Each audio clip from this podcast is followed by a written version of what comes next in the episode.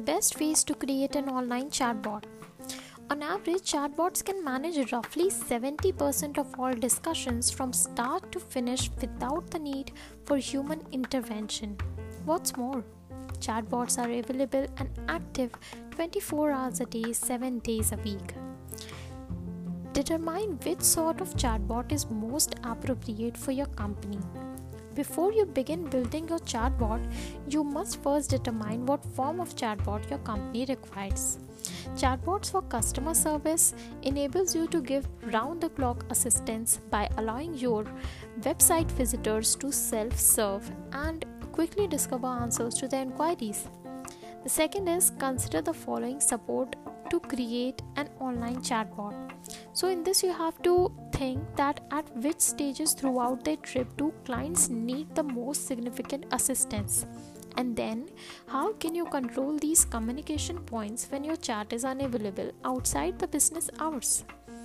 And the next is what is the relationship between the bot and your live chat solution throughout online and offline hours? When it comes to lead generation chatbots you will have to consider the bot's aim is it your intention to people to get informed? Or how do you qualify and encourage visitors to engage in a sales conversation? Concentrating on the beginning of mini conversations. To create an online chatbot establish your chatbot's key performance indicators which is KPIs determining KPIs help you in accessing your chatbot's efficiency based on essential data elements you may use the following questions to help you define your chatbot's KPIs. What will you use to determine if the chatbot is a success? What will be it measuring? What outcomes do you wish to monitor? Recognize the demands of chatbot users. After you have established your goals, it's crucial to focus on connecting with your target audience. Consider what's the user aim and when they first engage with the chatbot, how the chatbot assists that user. Now, assign a personality to your chatbot. You may have fun building a chatbot personality now that you have defined your user persona. Consider your chatbot as a representative. How can you give your chatbot a personality? Consider including these personality qualities in your chatbot design.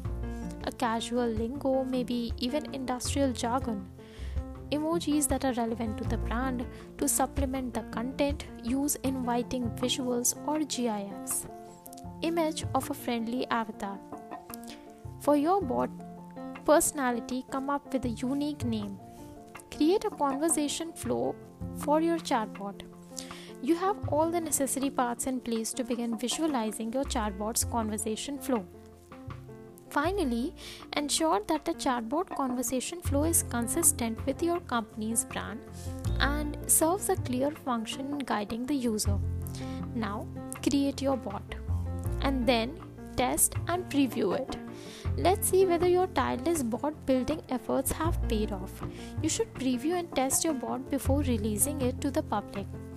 Now, finally, make your chatbots more specific and evaluate and improve it.